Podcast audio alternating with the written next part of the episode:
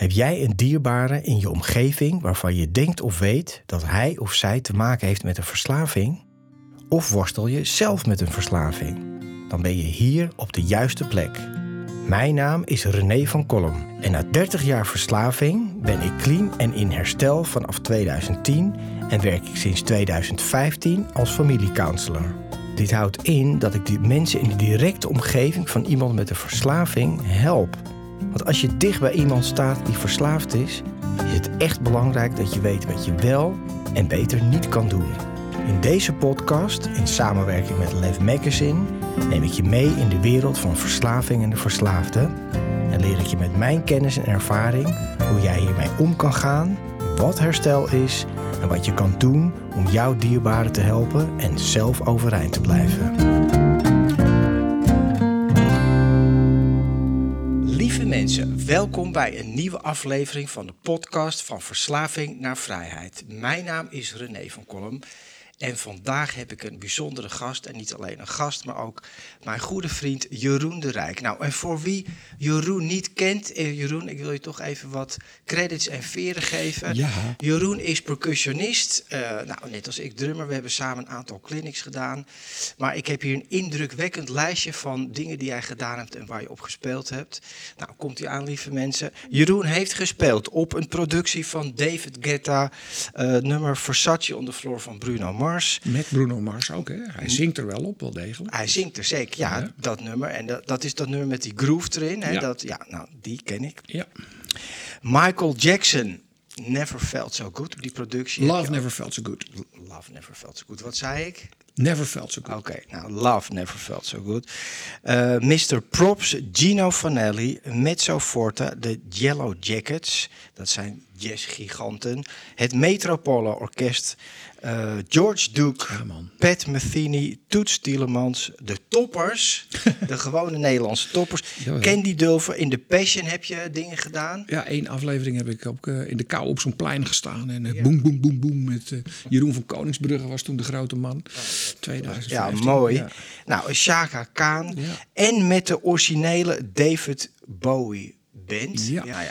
Eh, maar goed, ongekend. wie kan zeggen wie dat gedaan heeft? En dan ook nog een keer, lieve mensen, is hij tot tien keer uitgeroepen tot de beste percussionist van de Benelux. Nou, en dan ben ik maar gewoon de drummer van Doe Maar. Dus, nou, dit lijstje kan weg, want anders word ik een beetje jaloers.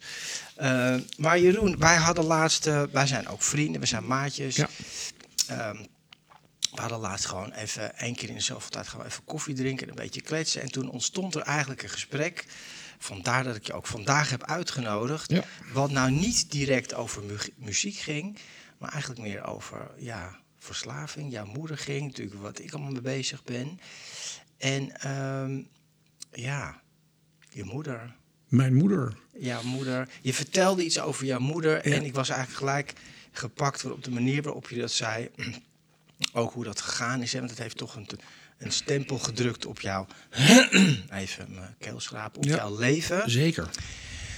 En ehm, als we nou helemaal teruggaan. En we spoelen de film even terug. Want jouw moeder is overleden. Twee jaar geleden. Ja, twee jaar Op geleden. de dag af bijna. Ja. Ja, dat is super kort. En als je nou teruggaat naar jouw vroege jaren, naar, naar de jeugd eigenlijk, wanneer merkte jij, zover je dat kan merken natuurlijk als kind, dat er iets met jouw moeder aan de hand was? Ehm, nou, als ik helemaal mijn onbetrouwbare, want geheugen is natuurlijk onbetrouwbaar, mijn onbetrouwbare geheugen inga. Zeker dat van ons. Ja, zeker dat van ons. Dan ben ik, eh, dan ben ik echt nog een hele kleine jongen. En heel klein wil zeggen vijf, zes, zeven jaar oud in die sfeer. En dan is het, ik ben in, dat hoor je niet aan mij, maar ik ben in Brabant opgegroeid. Hè, Dus uit Noord-Hollandse ouders, daarom heb ik ook geen Brabants accent. Maar ik heb van mijn tweede tot mijn negentiende, dan is dat maar geduid, in Roosendaal gewoond. Toen ben ik naar Amsterdam gekomen voor de muziek. Maar ehm, dat er carnaval was, want dat is daar.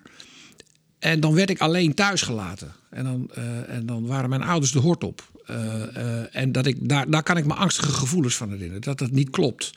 We hadden ze wel gezegd tegen de buren van hou, hou dat jongetje een beetje in de gaten. Maar ik stond op een gegeven moment in het feestgedruis op straat. Dat was ook, toevallig woonden we dan nog in een straat waar heel veel cafés waren. En dat was heel veel lawaai, dus ze hoorden me niet schreeuwen. Oké. En hoe oud was je? Ik, ik schat, eh, dat, ik kan het redelijk duiden, omdat we op een gegeven moment naar een ander adres zijn gegaan. En dat, dat, is- dat was toen ik ongeveer zes of zeven was. Het is voor mijn zevende levensjaar. Eh, maar daar had ik natuurlijk geen enkele relatie met of er te veel gedronken werd en wat voor gedrag daar nou precies eh, Nee, uit dat weet je ook niet. Maar je werd alleen gelaten in die carnavalsperiode. Ja, ja, ja. En zo'n avond. Ja. Eh, En dan bedoel je thuis alleen gelaten? Ja. ja, ja. ja. En je had geen broers, zussen? Of Nee, nee, nee, die zijn er nooit geweest. Dus, eh, eh, en dan ook voor de goede orde, mijn vader leeft nog wel, daar heb ik een goede relatie mee. Ja. Die lust een biertje zoals ik zeker ook biertjes lust. Ja. Daar gaan we het ook nog over hebben. Het, ge- het gene pakket. Ja. Ehm, en die was gemiddeld genomen een hele hardwerkende en ook zorgzame man. Dus Ja. ik heb het, het probleem. Eh, en dat gaat dus over alcohol. Hè? Ja. Want we, we kennen verslaving in een Ja. aantal variaties. Ja, Niet? Gokken, drugs, eh, nou zeg het maar. Eh, en, dit, ik, en op een gegeven moment kwam ik er wel achter. En dan, dan ben ik wat ouder. Dat ik dacht van ik ga voetballen. Of ik ga badmintonnen. Of ik ga, ga sporten. Wat jongetjes doen. Mijn vader runde een kapsalon van al die kinderen zijn er altijd wel ouders aan de lijn en bij mij nooit. En mijn vader werkt ook op zaterdag, hè, voor de goede orde, want die kapsalon is natuurlijk open. Maar mijn moeder lag gewoon in bed haar kater te verwerken. En, en dan bedoel je bij de wedstrijden of de... de Ja, bij de wedstrijden de- en, de, Ja. en de, de, de eerste eh, sch- eh, schooldag, middelbare schooldag. De, eh, van, die, van, die, van die momenten dat ik denk van waarom zijn al die ouders er altijd wel en de mijne niet? Ja, dus het was eigenlijk andersom. Het was voor jou normaal dat ze er niet was. Ja, dat, dat- je basis is eigenlijk, want je weet natuurlijk niet beter. Je hebt geen referentiekader. Nee. Hè? nee. En toen dacht je, we doen al die ouders daar. Ja, en eh, nou ja, nee, nee, maar zo van. d- d- d- Dan, ga- dan, dan, ga- ja, dat begon ik dan op een gegeven moment wel raar te vinden. Maar ook in die tijd sprak ik daar niet over en al helemaal niet bewust over. Hmm. Daar, daar was ik, of ik denk, daar ben je dan gewoon te jong voor. Je komt er later in je leven pas achter dat, dat een aantal omstandigheden waarin jij je weg hebt gezocht, gewoon eigenlijk helemaal niet normaal waren. En, en dan het, het, het echte gedoe eh, is begonnen vanaf 14, 15, 16, 17 jaar. Want mijn ouders hadden duidelijk geen goed huwelijk. Ik heb ze nooit gelukkig gezien. Eh, een zoen of een omhelzing was iets waar ik raar van stond te kijken. Als zij dat deden bij Ja, elkaar. ja. En, kan- naar, en naar jou toe? Eh, mijn vader wel en mijn moeder niet. Nee. En al, al niet, ja, ik geef, hè, ik wil dat, Ja. nou, daar gaan we het nog over. Ik wil haar van niet te veel een duvel maken. Nee, dat is het natuurlijk het helemaal niet en ook niet Nee. geweest. Eh, eigen... maar afstandelijkheid en, Ja. en onvermogen om, om ook, ook lichamelijk eh, eh, ja, Ja. comfortabel te zijn, dat zat er niet op. Maar dat is natuurlijk ook wel vaak wat je ziet bij mensen met een verslaving. Dat ongemakkelijke niet verbinding kunnen maken. Ja. En ze natuurlijk in haar eigen bubbel. Ja. Ja. Nee, maar daar begon ik dus te merken van... Nou ja, verdomme, die zit gewoon altijd in de kroeg.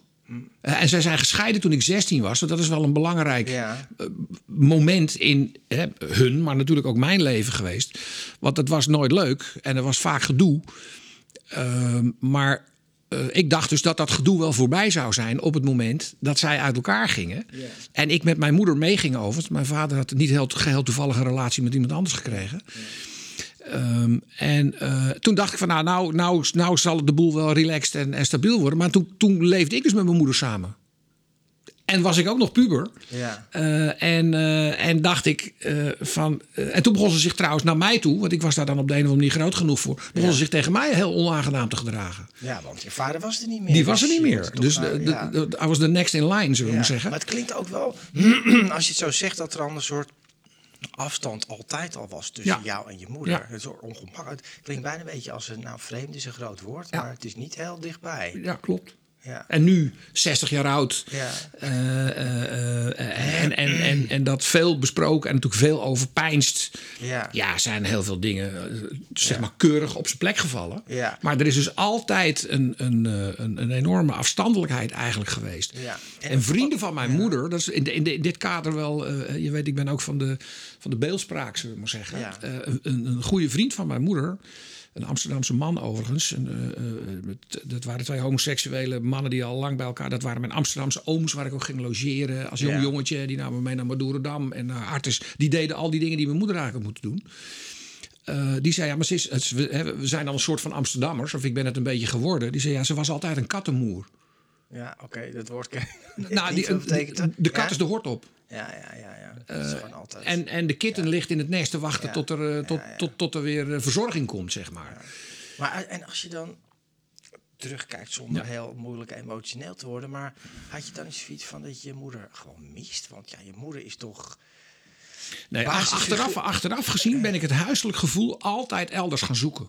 Ja, Bij vrienden, wiens ouders wel, eh, waren. ja, waar we wel eh, met elkaar op de bank naar de voetbal lagen te kijken, waar wel gewoon gekookt werd. ja, want dat gebeurde ook niet. Of Mm, dat weinig. gebeurde te vaak niet. Nee, en dan heb ik het met name over die periode van 14, 15, 16. Ja. Want op mijn 17e ben ik niet helemaal toevallig ook het huis uitgegaan. Hè, Dus ik ben vanaf mijn 17e ben ik het zelf echt letterlijk uit gaan zoeken. Ja, Ehm, eh, daar, heb ik, nou ja, daar gaan we het zo nog over hebben. Maar ik heb haar een brief geschreven op een gegeven moment. En daar heb ik dat. Hè, ik heb die brief net na jaren weer zelf herlezen. Ja. Na echt zeker 15 jaar of 10 jaar, weet ik het.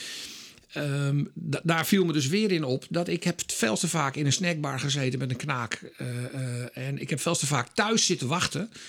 Dat gaat over de 15, 16 jaar eh, periode. eh, Van ga jij alvast maar naar huis en zet de aardappels alvast maar op en ik kom er zo aan. ja. maar dat gebeurde niet. Nee, maar eigenlijk, hè, en ik, ik werk natuurlijk ook in de GGZ, dat, dat is gewoon emotionele verwaarlozing. Ja, dat is wat het is, Dat ja. ervaar je natuurlijk misschien Nee. niet.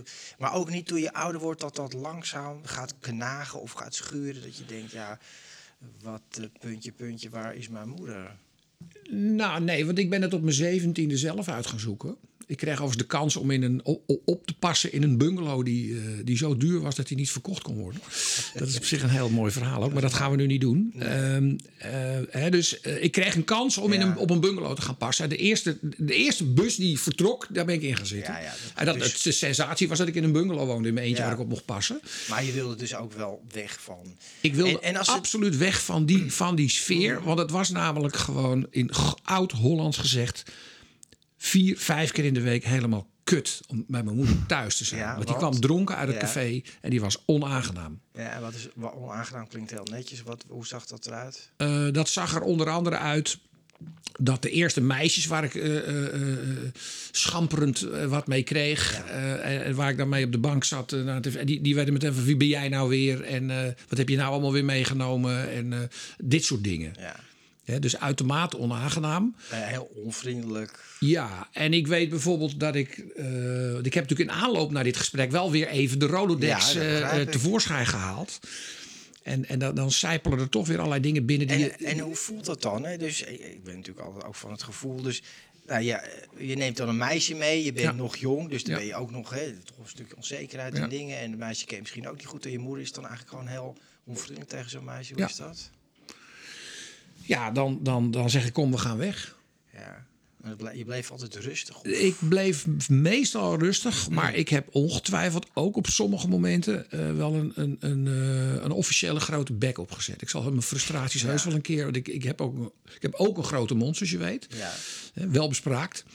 Eh, maar eh, ik heb het zeker niet altijd gepikt. Maar ik ben wel, en dat heb ik dus in die brief ook weer terug. Ik ben steeds tegen die muur aangelopen. Ja. Ja, dus Eh, Dus het grote probleem is nooit sorry zeggen, nooit ergens op terugkomen, vanaf je moeder dan. nooit Nee. of te nimmer. Nee. Nooit of te nimmer. En dat heb ik haar dus op mijn veertigste. Ja. Want dan, dan, we hoeven die sprong nu niet te maken van die tijd naar mijn veertigste. Maar daar heb ik op een gegeven moment gedacht van... nee, ik ga de komende 10, 20, 30 jaar, hoe lang het nog duurt... dit ga ik niet meer meemaken. Ik had toen al vrienden die ik, let op, nu nog heb. Ja, mooi. Hè? Dus eh, dat zijn vriendschappen van inmiddels 45, 50 jaar. Eh, ik, had, ik was ook bij de ouders van die vrienden welkom. Want die wisten dat het bij mij thuis niet leuk was. Dus ze konden mij er als een half asielzoeker, eh, zeg maar... eh, Ja. eh, konden ze me er wel bij hebben. Maar werd er dan ook over gepraat of dat niet? Was meer gewoon Ik denk dat er veel over gepraat is, maar wel buiten mij om. Ja, ja, ja, maar dat is dus, Hè, maar dus- dat is wat er altijd gebeurt, hè? Het, wat ze noemen de, roos, de roze olifant in, in de kamer. Dus het grote probleem wat iedereen ziet. Maar we hebben het er niet over. Ik, ik werd wel degelijk eh, ehm, ja, gemasseerd en gesupport. Er werd mij wel duidelijk gemaakt dat het allemaal niet aan mij lag. Ja, oké, dat is wel fijn. Ja, dus Ja, want er- dat- ik, ik heb op de een of andere manier heb ik altijd eh, kans gezien om, om, om een, een betrokken omgeving te zoeken en te vinden. En grappig genoeg tot op heden bij me te hebben. Dat zijn dus dat zijn diezelfde mensen. Ja, Voel dat altijd wel, maar- zeg je eigenlijk een, soort- een supportnetwerk van vrienden Ja. of familie. Dat is ook wel gelukkig, want dat hoeft natuurlijk niet. Hè? Nee. Want voor hetzelfde geld zak je in een soort eenzaamheid. Eh, Nee, en mijn oom, mijn oom ja. toevallig, eh, mijn lievelingsoom destijds, die was eh, gedragsdeskundige. Hij zei tegen mij: Jij moet er alles aan doen wat jij nodig vindt om om te gaan met je moeder. Maar niet in de verwachting dat er bij haar iets gaat veranderen. Ja, ja, dat vind ik wel een hele mooie. Ja. Dus toen snapte Ja. ik dat heel goed. Ja. Maar het heeft dus kennelijk nog zo lang geduurd voordat ik doorvoeld zoiets had van ja, Ja. daar moet ik ook echt management, Ja. hè, self-management op Ja, maar dat duurt dus, hè, dat is weer een van die cijfers, maar het duurt dus kennelijk eh, meer dan tien jaar of rond de tien jaar voordat iemand zoals jij of iemand die dus een familielid heeft die verslaafd is in welke vorm dan ook, daar echt iets mee gaat doen. En al die tijd suddert dat dat maar door en kraagt dat en piept dat. Ja, eh, eh, mijn- lieve eh, vriend Louis van Dijk, die inmiddels helaas ook is overleden, heb ik ook heel veel mee gesproken over deze materie. En die zei: ja, als je van mensen vlekken in je nek krijgt, moet je ze wegdoen. Ja.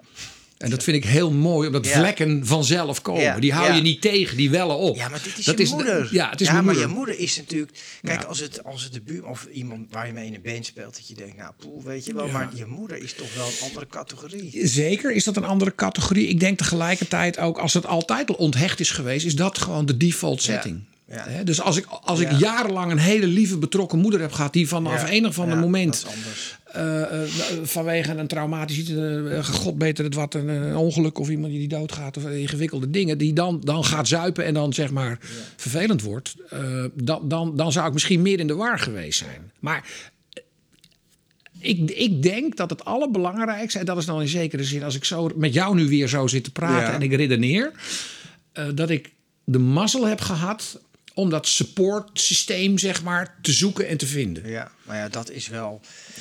Dat is denk ik wel. En het is zo- belangrijk dat je dus dat gevoel van. Ja, toch liefde en verbinding. En ergens thuis voelen. Want dat ken ik ook maar al te goed. Ja. Dat ken ik ook van huis uit. Dus niet. Ik heb dat eigenlijk pas met alle. Want ik heb de allerliefste moeder. En eigenlijk ook een hele goede vader. En een hele lieve broer. Ja. En nog andere mensen. En toch was, waren er allemaal dingen en gedoe. En heel veel gedoe familie. Heb ik het pas echt ook bij Margrethe gevonden. Echt een thuis. Hè, wat mijn huidige vrouw. Ja, ik noem dat Maar- het welkom in de wereldbeginsel. Ja, ja, maar dat hoor je Ja, natuurlijk te hebben als je nul bent en je wordt geboren. Maar ja, dat gebeurt natuurlijk heel vaak niet. Dan woon je op een gegeven moment op jezelf en je gaat natuurlijk de muziek in en dingen. En, en hoe is dan nog, de, de- want je bent dan niet meer thuis bij je moeder. Hoe is dan die band? Hoe gaat het dan? Belt ze af en toe? Of hoe, hoe ging dat? Mijn moeder die belde. Kijk, ik eh, eh, hield ook wel contact. Ik ging ook wel naar verjaardagen daarheen. En dan kwam de familie of dan kwamen de vrienden en kennissen. En, eh, nou, en, daar is overigens aan het eind heel weinig van overgebleven. Want een, goede alcoholist jaagt natuurlijk iedereen bij zich vandaan uiteindelijk.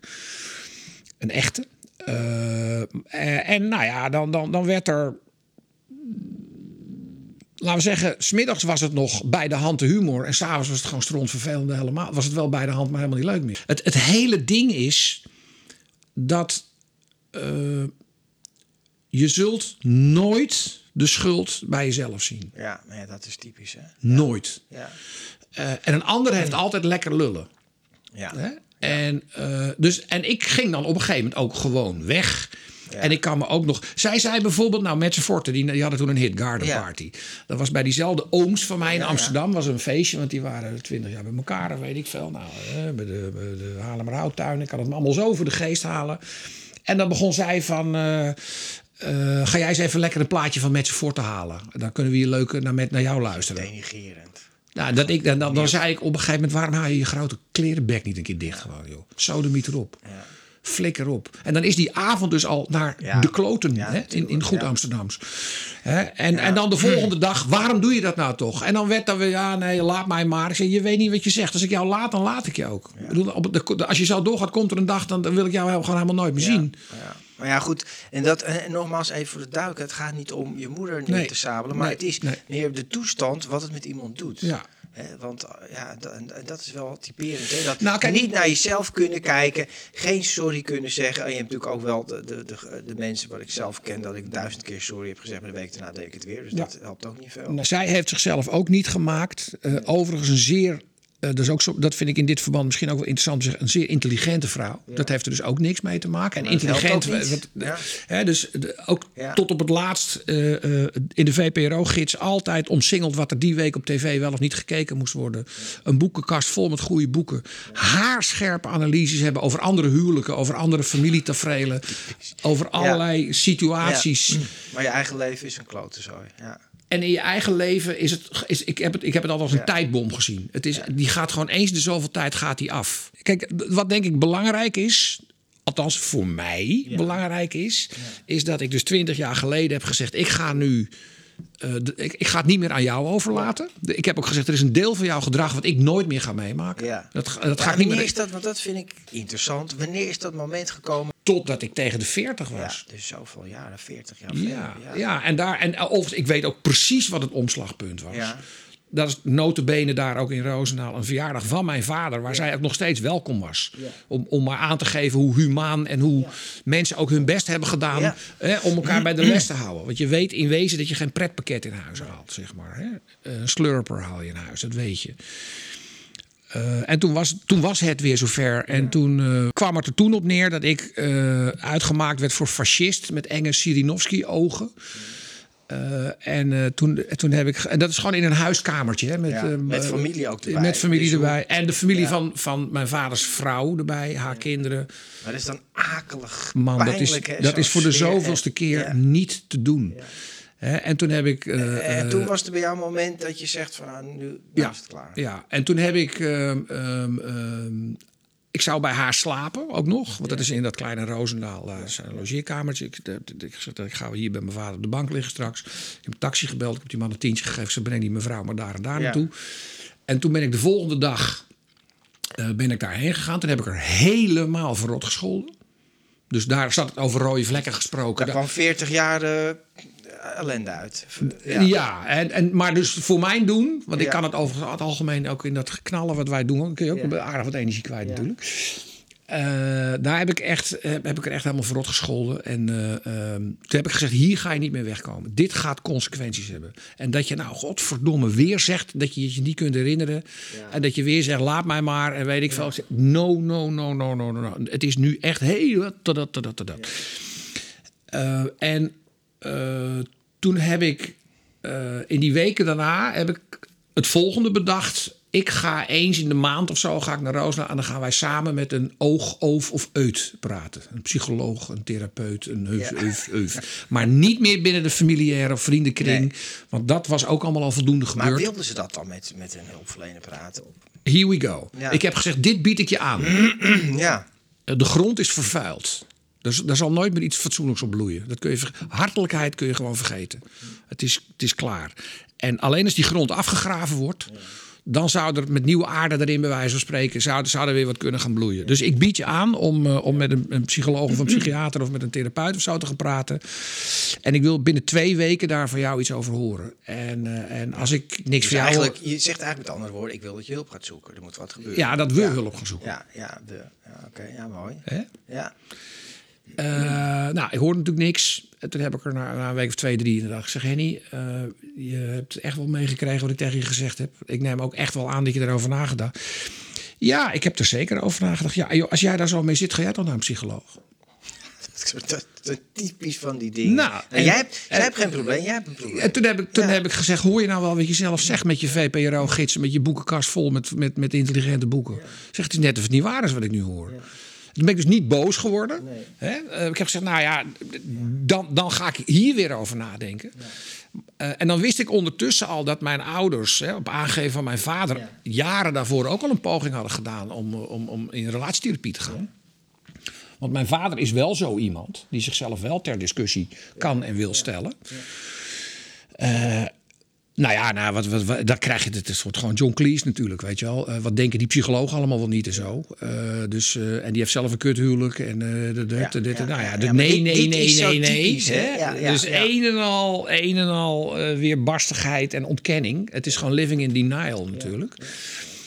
Eh, en toen heb ik dus gedacht van nou, nu, nu is het klaar. Want ik ga dit soort feestjes bij ons, bij haar, bij mij, wherever. Ik ga dit helemaal nooit meer meemaken. En toen heb ik die brief, die inmiddels ook tussen ons bekende brief eh, eh, opgesteld. Dat, dat, dat punt waar je op een gegeven moment zegt van... Nee, maar ik ga nu de spelregels Ja. bepalen. Ik laat me niet meer door jou alle hoeken van de kamer Nee, eigenlijk zien. nee. En dat je mijn moeder en bent, dat wist ik al lang. Ja. Hè? En dat, jij, dat ik jouw kind ben. En dat, dat is echt allemaal wel duidelijk, zeg maar. Relatie is Nee. natuurlijk gewoon... Nee. Ja, wat je zegt, toxic. Hè? En, Ja. eh, en dus dat er is breekt een steen Ja. af en die Ja. begint van een berg af te rollen. Ja. En dat zijn dan de broertjes, zusjes, ouders, opa's, oma's. eh, eh, en en, en los van dat ik jouw verhaal, persoonlijk verhaal, redelijk goed ken, ken ik nog wel wat verhalen van mensen die, die er wel of niet goed doorheen zijn gekomen. En, Maar en- dat is precies wat je zegt. Het neemt alles in zijn gang mee, hè? mee naar beneden toe. Ja, maar dat is net als een ernstige ziekte. Dat, dat, dat, als iemand echt bedreigend kanker heeft, dan is dat hele gezin, die hele familie, al die vrienden, Ja. daar een energie vanuit. Ja. Die, die, Ja. eh, die, die iedereen. eh, ja, dat, Ja, maar weet je wat nou het, het gek is met mensen met verslaving? Want als iemand kanker heeft, dan gaat hij niet onderhandelen met die dokter. Die, eh, dat je zegt van, nou ben jij bent niet goed bij je hoofd, ik heb geen kanker, wat Nee. denk je nou? Maar met iemand met verslaving wil die zeggen gewoon, dat is niet zo, jij bent niet goed, je Ja. moet zelf naar ja, de dokter. ja, Ja. ja, ja, ja, ga jij maar met een psycholoog praten. Ja. Ja. En je hebt ondertussen geen vrienden meer. Wat ook trouwens wel grappig is, deze brief, die zullen we dan toch, Ja. los van wat we ervan voorlezen, of Ja. er, die heb Nou ik dus ja. naar haar toegestuurd. Ja. En Eh, en ik heb, dus, ik heb dat aangekondigd. Ik heb gezegd, Ja. ik ga het verhaal naar mijn idee een keer opschrijven. Eh, want dat is uit. Hè, ik heb ook de, in mijn socials gebruikt de, de, de, de hashtag alles is therapie. Ja. Hè, dus dat, we, Ja. we, doen, we doen alles wat we kunnen om ons zo goed mogelijk te voelen. Ja, dat is waar. Hardlopen, Klopt. hardlopen, drummen, Ja, ja. drinken, Ja. eh, niet drinken, eh, weet ik veel. Een- Podcast een, een, hebben, een podcast, ja. nee, ja, een potje voetballen kijken. Ja, alles is ook zo. Dus ik heb uit therapeutische overwegingen heb ik dat februari Ja. 2002 heb ik dat verstuurd. Ik heb het een jaar daarvoor heb ik het. Ja, ben, ben- ben ik het gaan schrijven. Ik dacht dat er twee kantjes Ja. waren, maar het blijken er vijf te zijn. Ja. En he- maar het is natuurlijk, je hebt dat voor jezelf gedaan. Heeft het daarop gereageerd? Nee, ja, precies. Dus ik heb gezegd, ik schrijf het voor mezelf op, maar ik stuur het ook naar jou toe. Ja.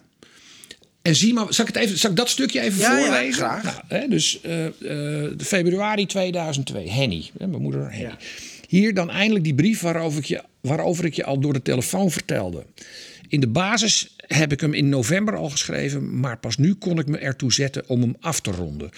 Het is niet gering als ik het zelf rustig doorlees. Nou, dan komt de naam van die brief, waar ik het nog steeds mee eens ben. 25 jaar mislukte Europa Cup finales. Ja, en wat bedoel je daar precies mee? Daar bedoel ik mee dat ik 40 ben op het moment dat ik schrijf. En dat ik vanaf mijn vijftiende dat ik één op één met mijn moeder te maken had. Van alle hoge momenten alleen maar kan, eh, me kan herinneren dat ze verloren zijn. Ja, dat zij er niet was. Ja, of als ze er wel was, was het vervelend. Ja, Tot en met stront vervelend. Tot en met echt niet te doen vervelend. Tot en met ook over mijn schoonfamilie. Ik ben al 40 jaar met hetzelfde meisje. Dus je, je, eh, eh, op een gegeven moment was het... Ja, je vindt je, je, je- de familie van, je, van Julia, mijn meisje heet Julia... die vind je belangrijker dan je eigen familie. Zulke dingen. Flikker op. ja. Ik bedoel, ik heb zo mijn best gedaan. Ja. ja, maar dit is zo typisch. Kijk, het is alleen. Nou ja, maar daarom zitten we ook nu ja, zo te praten. het is zo herkenbaar dit. Nou, luister. Dus 25 jaar verloren. s- sorry, 25 jaar mislukte Europa finales. Na de laatste keer dat wij een inhoudelijk en goed gesprek hadden, ergens in de lente van vorig jaar, heb ik besloten mijn verhaal over onze emotioneel onmachtige relatie op te schrijven en jou ook aan te bieden. In ieder geval heb ik het dan eens rustig van me afgeschreven. Als jij er iets mee kunt, is dat mooi meegenomen. Je kunt het verhaal in ieder geval een aantal keer lezen zonder dat je regelrecht met mij geconfronteerd wordt. Dat is, hoop ik, een voordeel. Dat onze gevoelswerelden en interpretaties van gebeurtenissen als dag en nacht verschillen, kan eigenlijk geen onderwerp van discussie meer zijn. Ik zal een klein stukje nog. In het voornoemde gesprek heb ik je verteld te overwegen om het contact te verbreken. Dit komt voort uit de gedachte dat ik helaas nieuwsgierig word naar dat gevoel. Wellicht ook een schuldgevoel. Dat komt met geen contact ten opzichte van slecht contact. Deze gedachte drong zich op omdat ik heb gemerkt in ieder geval geen zin meer te hebben in het 25 jaar mislukte Europa Cup finales gevoel. Ik heb het gevoel dat ik met praten niet tot je doordring, zeg maar tegen een muur praat. En van dat gevoel ben ik inmiddels moe. De rek is eruit, het voelt als zinloos. nou ja, dat is, zo ben ik die brief aan mijn moeder Ja, begonnen. dus, eh, maar de- toen, eh, ongeveer in mijn beleving, eind van dat jaar, dus laten we zeggen tien maanden later, negen maanden, was ik daar weer eens een keer onderweg. De- de- en wat ik dan altijd deed, is dan was ik bijvoorbeeld bij Breda, nog maar fluit, had je al de, de mobiele telefoon. Dan belde ik ook een half uur of een drie kwartier of een uur van tevoren.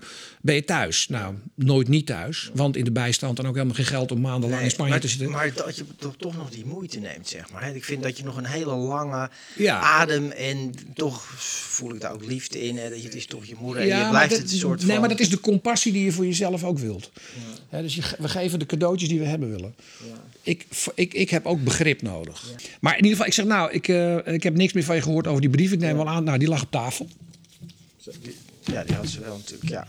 En eh, ja, jij vindt jezelf wel heel wat, hè, als ik het zo lees. ja.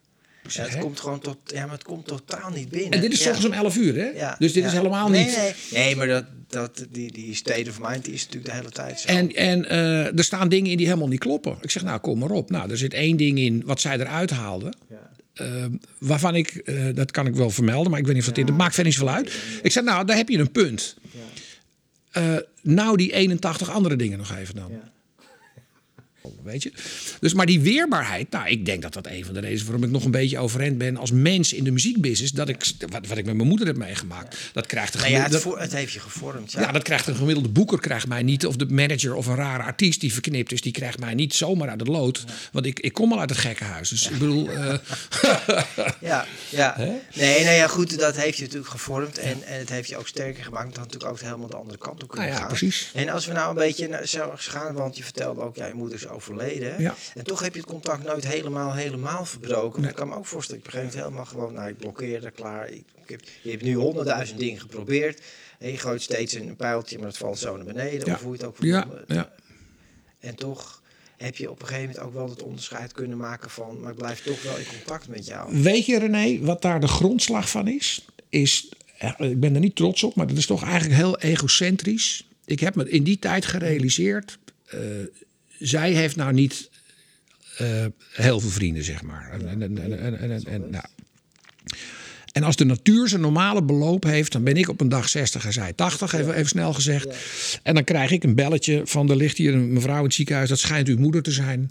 Eh, kunt u wel of niet komen? Ja. Nou, en uit, om dat schuldgevoel, waarbij ik me, hè, wat ik eerder al zei, niemand heeft zichzelf gemaakt, ook zij niet. Eh, zij komt ook ergens vandaan. Dus ter voorkoming van een schuldgevoel bij mezelf heb ik die deur niet helemaal dicht willen Ja, gooien. ja, ja, maar dat is ook wel vaak natuurlijk. Dat, ik hoor wat je zegt, hè, maar ik sta er een klein beetje anders in. Maar dat is ook wel de greep die het dan ook weer op je heeft, waardoor je toch. Kijk, want stel nou voor, hè, dat zeg ik ook wel eens tegen andere mensen. Als iemand nou zo met jou omgaat die niet jouw moeder is, een buurman of een vriendin, nou, hoe lang ga je dat goed vinden? Ik heb in deze brief staat, als jij de buurvrouw was geweest, had ik je nooit meer willen zien. Nee, hè? En, maar dan had je ook na twee keer, als ze zeggen dat iemand dat je op een feestje bent en iemand doet één of twee keer zo tegen jou, nou is het klaar. Nou, toxic altijd, people, hè, noemen Ja, we dat dan, Dan ben je er klaar mee. Toxic maar omdat het je moeder is, of je vader of je kind of je whatever, Ja. Ga je daar toch jaren maar mee door. Maar goed, ik vind het ook wel mooi dat je op een gegeven moment zei ook dat, ze, dat ons laatste gesprek van, ik heb dat ook kunnen scheiden van. Ik wil toch nog wel dan iets voor haar doen, maar emotioneel een soort afstand ge- genomen. Want je, Nou ja, ik heb, ik heb gewoon duidelijk gemaakt, jij komt er niet meer in met kerst. En, eh, en, eh, en, en ik heb mijn vijftigste verjaardag en uh, überhaupt verjaardagen zonder Ja. gevierd. Wij hebben op een gegeven moment een enorm feest gegeven, omdat we 25 jaar niet getrouwd waren. Want dat, dat vinden wij dan wel leuk. Ja, daar is mijn vader allemaal wel bij, mijn moeder niet. Dat is ook echt egocentrisch of eigenbelang. Als ik op een gegeven moment weet dat ik 360 graden om me heen alles heb geprobeerd Ja. om het ten goede te keren. Ja. Of, te- of er in ieder geval Ja. positieve beweging in te krijgen. En het gebeurt weer niet. Je krijgt weer de deksel op je neus. En het is weer wachten tot er een keer drank in zit. Ja. Ook 60 jaar oud, ook 70 jaar oud, ook 75 jaar oud. Tot en met op een gegeven moment 80 jaar oud. Hè. Vorig jaar of twee jaar geleden is dan op haar 81ste overleden. Heb ik overigens de laatste maanden van haar leven wel voor haar kunnen zorgen. Hè. Dus ik heb, ik heb alles kunnen doen Maar hoe heb je dat wat ik dacht dat ik, dat ik moest doen. Ja, maar dat vind ik dan nog wel echt wel boeiend hoe je dat dan kan scheiden. Dat je iemand je eigenlijk gewoon verrot Nou. geld niet respecteert enzovoort en dan jarenlang. Ik heb haar wezenlijk emotioneel geparkeerd. Ja, ja, ja. En dat was ook Ja. technisch gezien niet moeilijk, omdat er zo'n volgeschiedenis is Ja. van onthechting. begrijp Hè? je. Maar ik heb haar wel altijd als mens proberen te zien. En, niet, en niet als een demon, als, als gewoon een stom wijf wat te veel zuipt. Nee, dat, wat- eh, ja, da- daar zit ook iets, iets, iets in van.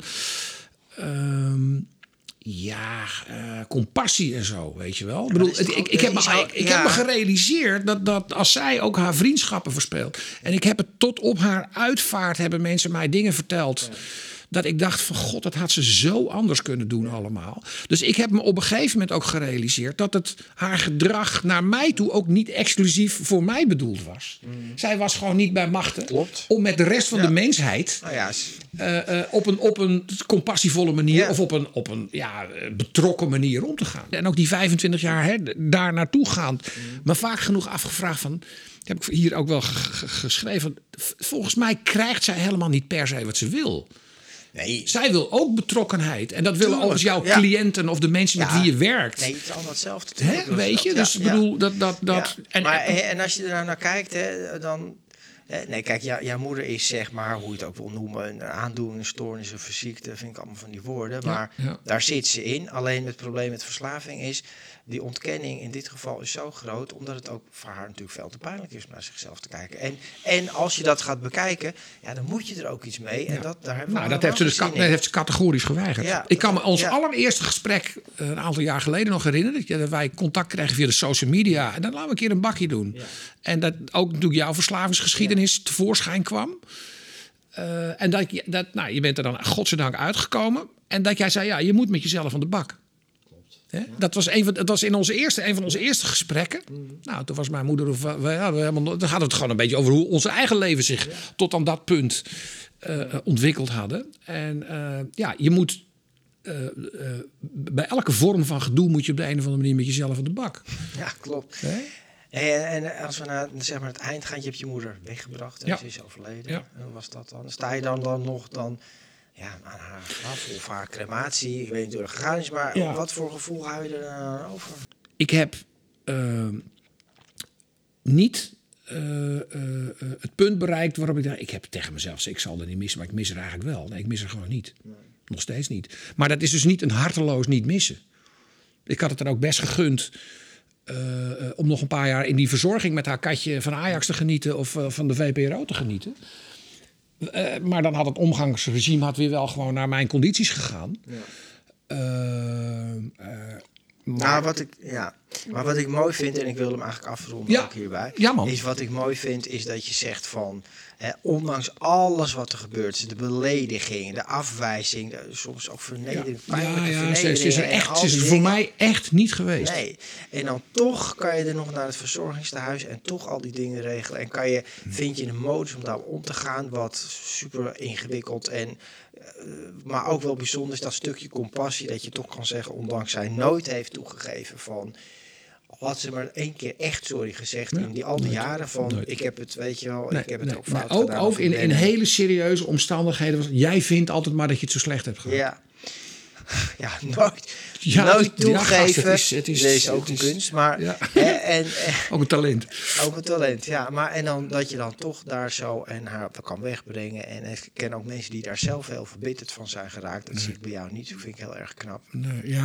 Dus ik, wil je, ik wil je daarvoor eh, bedanken, Jeroen. ja, goed man. Dank je wel voor je openhartigheid om hier toch over je moeder te vertellen. Want dichterbij dan je moeder komt het vaak niet. Dus, nou, en, en lieve mensen, en iedereen die ge- gekeken heeft en geluisterd heeft. Eh, trouwens, je kan op Spotify de podcast luisteren, op YouTube kijken. Ik wil jullie danken voor het kijken naar deze aflevering van, van Verslaving naar Vrijheid. Mijn gast was Jeroen de Rijk. Ik ben blij dat hij zijn verhaal heeft gedeeld. En lieve mensen, als je dit herkent, deel het met elkaar. Ja. Omdat de herkenning gewoon belangrijk is. Want je bent hier niet alleen in. Nee, Lieve mensen, praat erover, wel. praat erover, praat erover. En heb vertrouwen in de mensheid. Hè? Want er zijn heel veel goede mensen op deze wereld. Nou, precies. Ja. En het is ook goed om. En, en eh, hoe vindt er een modus in? Dat is super lastig. Dank jullie wel voor het kijken en het luisteren. En ik zie jullie graag bij de volgende aflevering. Dankjewel René ook hè. Dankjewel. Goed man. gedaan. Ciao. Bedankt voor het luisteren naar deze aflevering van Verslaving naar Vrijheid. Wil je mij een vraag stellen of heb je mijn hulp nodig? Neem dan contact met me op via mijn website renévancolum.nl.